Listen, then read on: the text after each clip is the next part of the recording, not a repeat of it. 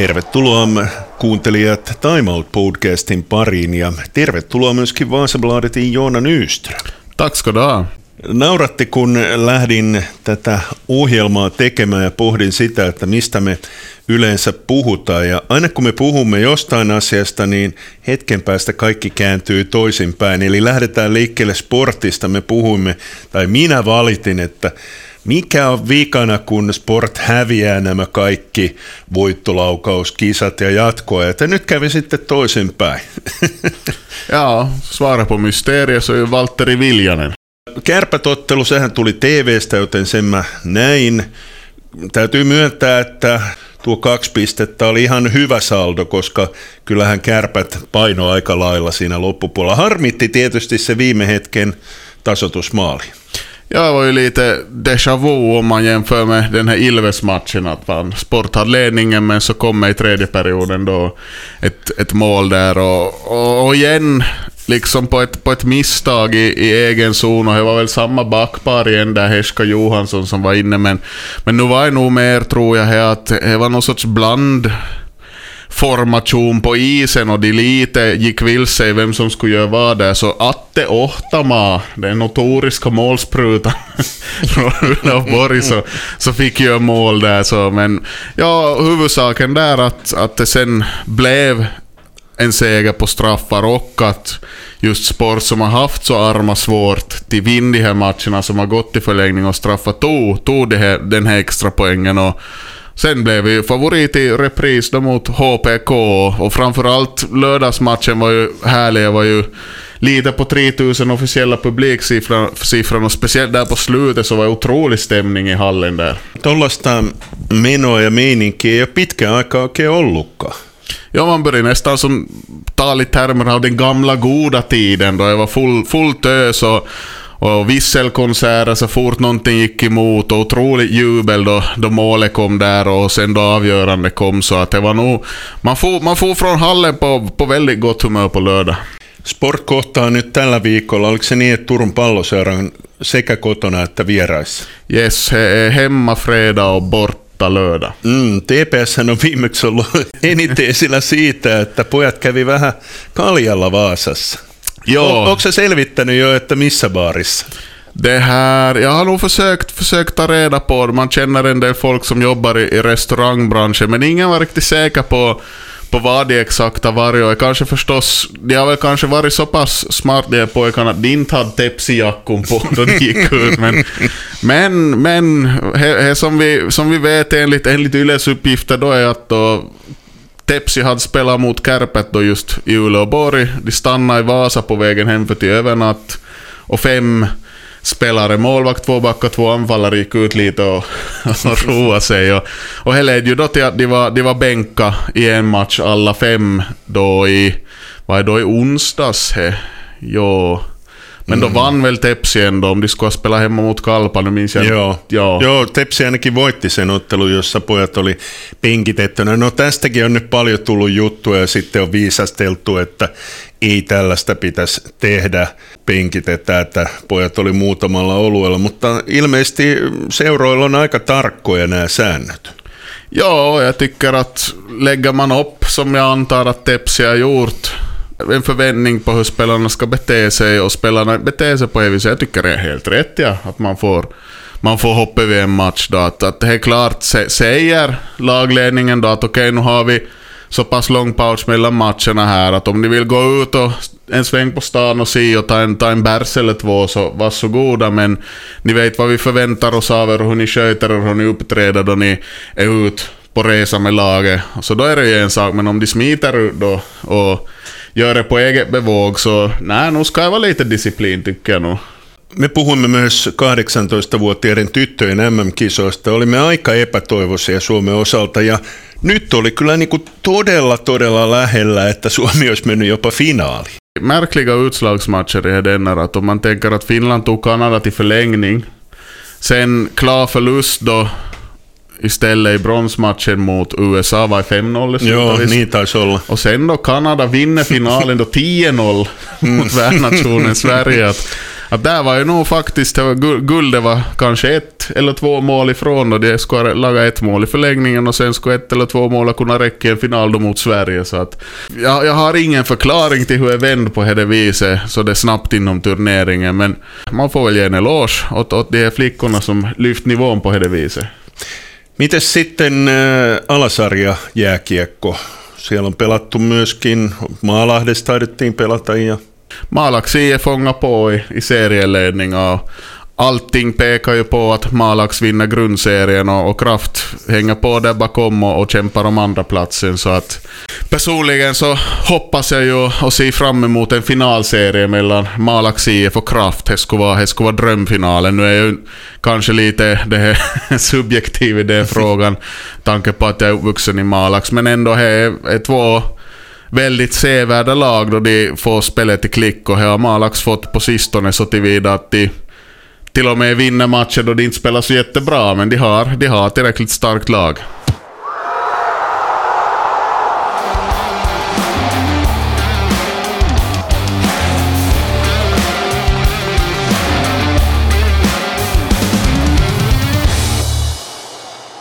Time Out Podcast käynnissä studiossa ovat Radio Vaasan Anssi Marttinen ja Vaasabladetin Joona Nyström.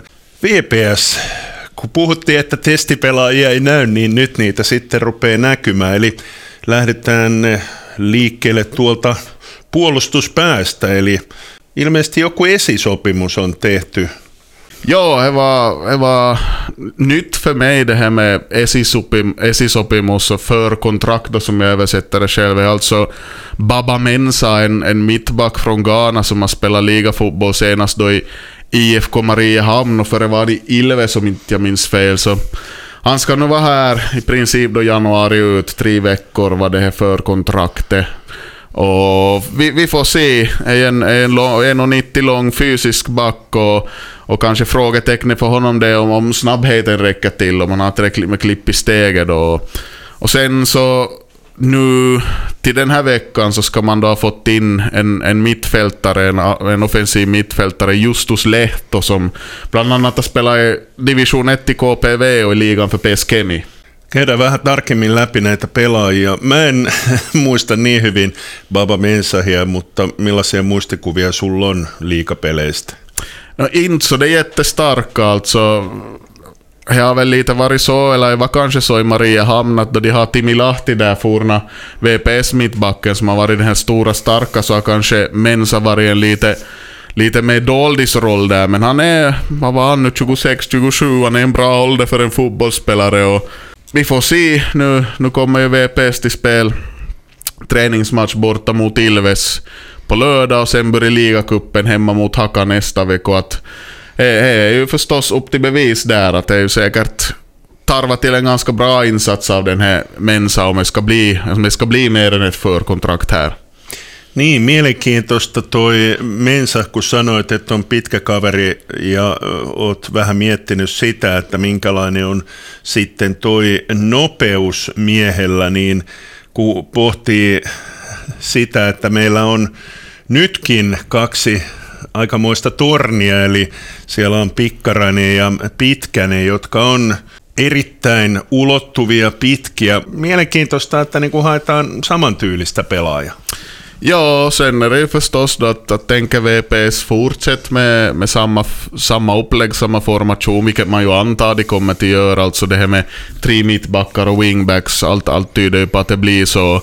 Och då måste man ju fundera då att vem passar bäst i vilken roll där. Att nu har ju till exempel Juhani Pikkarainen som har en väldigt bra vänsterfot spelar där till vänster för att han kan öppen spela bra därifrån. Och sen har man kanske haft Mika Niemi där över på högersidan som har varit den här som har kunnat ta, ta de här löptävlingarna och har kunnat jobba hem på ett lite annat sätt än de andra två. Men, de andra två, men ja, jag har varit lite sådär, lite, lite så Tolkien där, sagan om de två tornen, men nu är de mitt i allt tre. Entäs sitten tämä Justus? Katoin, että oli tehnyt paljon maalia, mutta tosin kakkosedivarissa. Joo, hade han 11 mål på 17 matcher i fjol. Det var Kups Akademia division 2 och före det var han då i KPV. Och Och det här är, handlar om en spelare som, som hade paus ett par år efter att han ligadebuterade i Kemi för han, han råkade ut för riktigt så här svår överansträngning, fysisk överansträngning och, och ett tag såg, så det väl kanske ut som att det till och med var färdigspelat men han har kommit tillbaka väldigt bra, han har ett par säsonger nu bakom sig och det känns som att här, här, här har vi en spelare med potential. Jag har inte sett honom på planen ännu, jag har inga minnesbilder av honom från varken från då han var i KPV eller då han var i liga med Kemi, men det känns som att det finns en, en ganska så här potential till en naturlig ersättare nu till exempel, då det verkar som att det inte blir något nytt kontrakt med Alexi Pahkasalo. Niin, siltäkö nyt näyttää, että Pahkasalo ei saisi jatkosopimusta? Han jobbar för tillfället med juniororganisationen och jag har inte som förhandlats om något kontrakt med honom. Så han har också haft väldigt utdragna skadeproblem, någonting på, på undre kroppen som man säger. Så att det ser, ser ut som att det blir, blir något kontrakt. Vaasan palloseuran mielenkiintoisin pelaaja on kuitenkin herra nimeltään Roni Hood. Onko mitään uutta kuulunut? Häntä oltiin viemässä jo Saksan Bundesliga. ja, ja, ett väldigt intressant case det här också. Att, uh, jag var i förra veckan och så sa hans agent till MTV Urheilu att det finns intresse från, från flera håll, framförallt från en stor klubb då i, i Bundesliga och att, att agenten trodde att det här kommer till kunna gå i hamn nu redan i, januari-fönstret, som internationella fönstret. Men att, att det ska till först att, att Ronny fyller 18 år, vilket han gör då 20. Vad har vi idag? 17? Mm, kyllä, kyllä, joo, tätä tehdessä so on fre- fredag fyller han 20 då. eli, eli ensi viikolla meillä voi olla sitten uutisia. joo, lite har förstås rykteskvarnen då exploderade där. Mitt i allt blev det tal om att jo, jo, men det finns intresse från Spanien och sen kommer att ja, men det är Bayern München som vill ha Ronny och Samtidigt så pratade jag ju med sportchef Janne Lindberg då som sa att, att klubben har inte förhandlat med någon ännu i det här skedet. Det har, varit tydligen då agentens rumba det här som, som har pågått här i kulisserna och, och nu får vi helt enkelt vänta och se att det är en, några dagar kvar av januari månad och, och sen kan man ju alltid förstås fråga sig att vad är bäst för en ung spelare då att gå till en ny klubb eller att få en hel säsong i ligan och så vidare. Och, och det beror ju också på hurdan klubben man eventuellt går till då är, att ha det en bra ungdomsverksamhet och så vidare. Så det är, är väldigt många öppna fönster och dörrar för tillfället.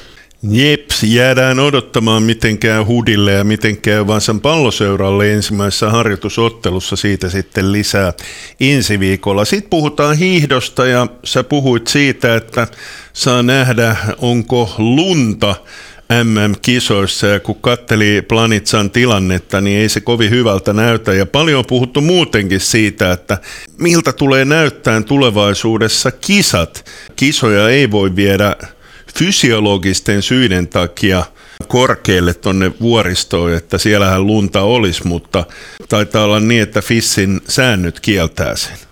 Ja, och nu ska man ju, i mån måste man ju ta, kommer det emot det här med, med de, tävlarnas, de som tävlar och deras hälsa, att det ska ju vara rimligt på något vis. Jag kommer till tänk på till exempel om man tar en åsnebrygga till, till fotbollen då Bolivia spelar VM-kval, alltid där uppe i La Paz. Jag vet inte hur högt upp ovanför havet är men dit brukar ingen riktigt klara av att vinna de här motståndarna helt enkelt för att det är så fysiskt påfrestande och man är ovan. Och Ja, skräckscenario kanske är väl då att, att det blir till att man får bry, tävla i skidor inomhus. Man får bygga skidhallar eller något sånt. Eh, jag vet inte, det känns lite hopplöst. Och på något vis väldigt ironiskt nu då, då här, de här U23 VM-granskningstävlingarna som skulle ha varit i Rovaniemi men ställdes in för man var orolig för att det skulle bli för kallt.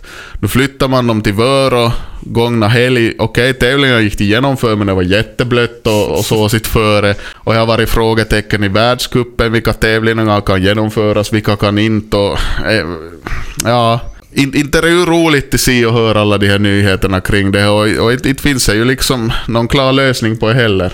Alexander Stolberg vöyrillä mukana, mutta ei valitettavasti oikein huippukunnossa.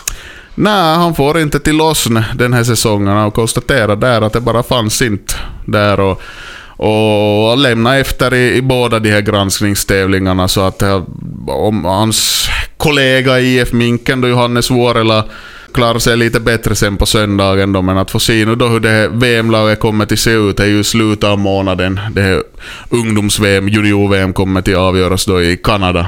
Joo, ja Tampereella on kisat ja sielläkin näytti aika, aika vetiseltä SM-kisat, taisi olla Tampereella. Ja Kerttu Niskanen ilmoitti, että hän ei aio osallistua. är ju såklart att det är synd. Och just om man försöker pricka in de här nationella tävlingarna då, eller man måste ju försöka pricka in så att det krockar med världscup och sådär. Och en stora, stora frågetecknet är då att, att hur, hur blir det med Johnny Mäki som hoppar över Tour de Ski helt och hållet. Och nu har jag inte kollat några deltagarlistor men jag skulle anta att han finns med i FM nu till helgen och, och börjar bygga upp formen igen. Jäämme mielenkiinnolla odottamaan myös noitakin kisoja. Vieläkö Joona jotain mielessä? Ja, inte vet jag vad det skulle vara. Jag kan, kan ju berätta så mycket att jag som är en sån här trendkänslig människa så idag ska jag fara och testa det här padel, det här nymodigheten. Oi, eikö ikinä pelannut? en ole kyllä minäkään, mutta, mutta mielenkiintoiselta lajilta tuntuu. Toivotaan, ettei sille käy kuin squashille, eli hetken päästä padelkenttiä muutetaan konttorihuoneistoiksi. ja, vi får se. Joona Nyström, kiitoksia. Tack, tack.